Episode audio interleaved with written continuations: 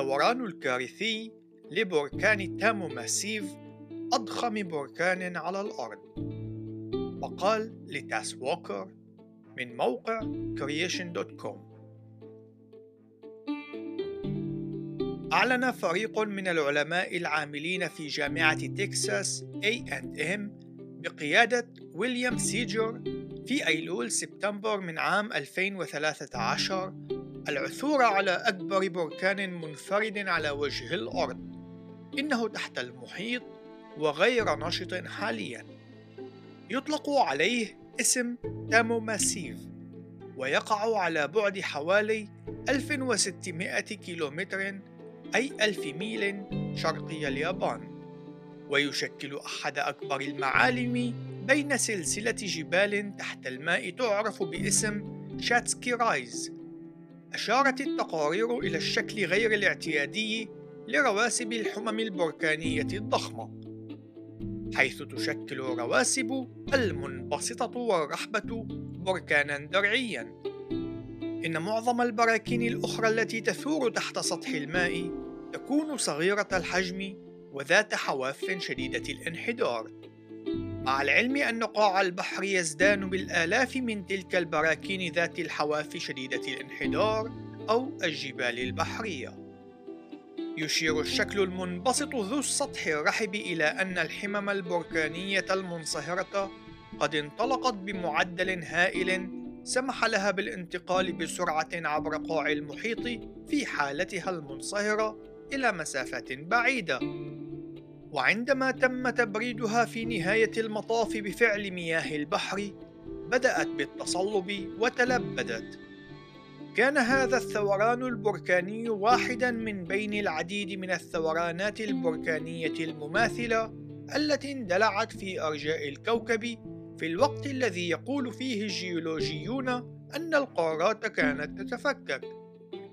كان حجم الحمم البركانية التي انطلقت هائلا وتدعى رواسب باسم الأقاليم النارية الكبيرة ويتم اختصار الاسم إلى LIPS لقد لاحظ العلماء أن الثوران كان كارثيا وقال سيجر اقتباس خلاصة القول هي أننا نعتقد أن تامو ماسيف قد تشكل خلال وقت قصير من الناحية الجيولوجية ويمتد من مليون إلى عدة ملايين من السنوات وقد خمد منذ ذلك الحين نهاية الاقتباس. لكن إن كان تشكله قد استغرق عدة ملايين من السنوات فهذا سيعني أن الحمم البركانية كانت ستتدفق ببطء ولما كانت لتشكل بركانا درعي الشكل. لقد تواجدت ميزة أخرى مختصة بهذا البركان وقد تسببت للباحثين بالحيرة يقول سيجر اقتباس إحدى الأمور المثيرة للاهتمام هي أنه كان يوجد الكثير من الهضاب المحيطية التي ثارت خلال العصر الطباشيري قبل حوالي 145 إلى 65 مليون سنة مضت ولكننا لم نراها منذ ذلك الحين. سوف يود العلماء معرفة السبب وراء ذلك. نهاية الاقتباس. على الرغم من التقرير الذي يقول أن الثوران البركاني كان كارثيا لا يزال العلماء يقومون بالتأريخ باستخدام الفرض القائل بأن كل شيء في الماضي قد حدث ببطء وبشكل تدريجي. إلا أن الثوران الكارثي يحدث بسرعة وعند ربط هذا الأمر بالكارثة التي حدثت في طوفان نوح يمكننا أن نقوم بإعادة تفسير التوقيت لنكتشف أن البركان قد ثار في منتصف فترة الطوفان الذي استمر لمدة عام والذي حدث قبل ما يقرب من أربعة آلاف وخمسمائة عام.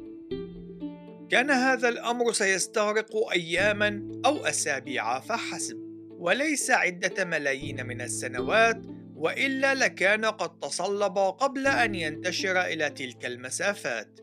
قام علماء الجيولوجيا الخلقيين بالاستنتاج بأن معظم الصخور المكشوفة الآن على الأرض كانت قد تموضعت خلال فترة الطوفان، لقد كانت هائلة وكارثية مما يعني أن كل شيء قد حدث بسرعة.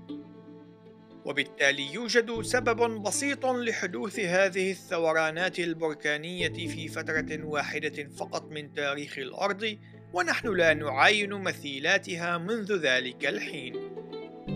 لقد ثارت البراكين في منتصف الفترة التي استمر خلالها الطوفان وذلك عندما ابتدأت أرضية المحيطات في الانخفاض وابتدأت مياه الطوفان في التراجع عن تغطيتها للقارات.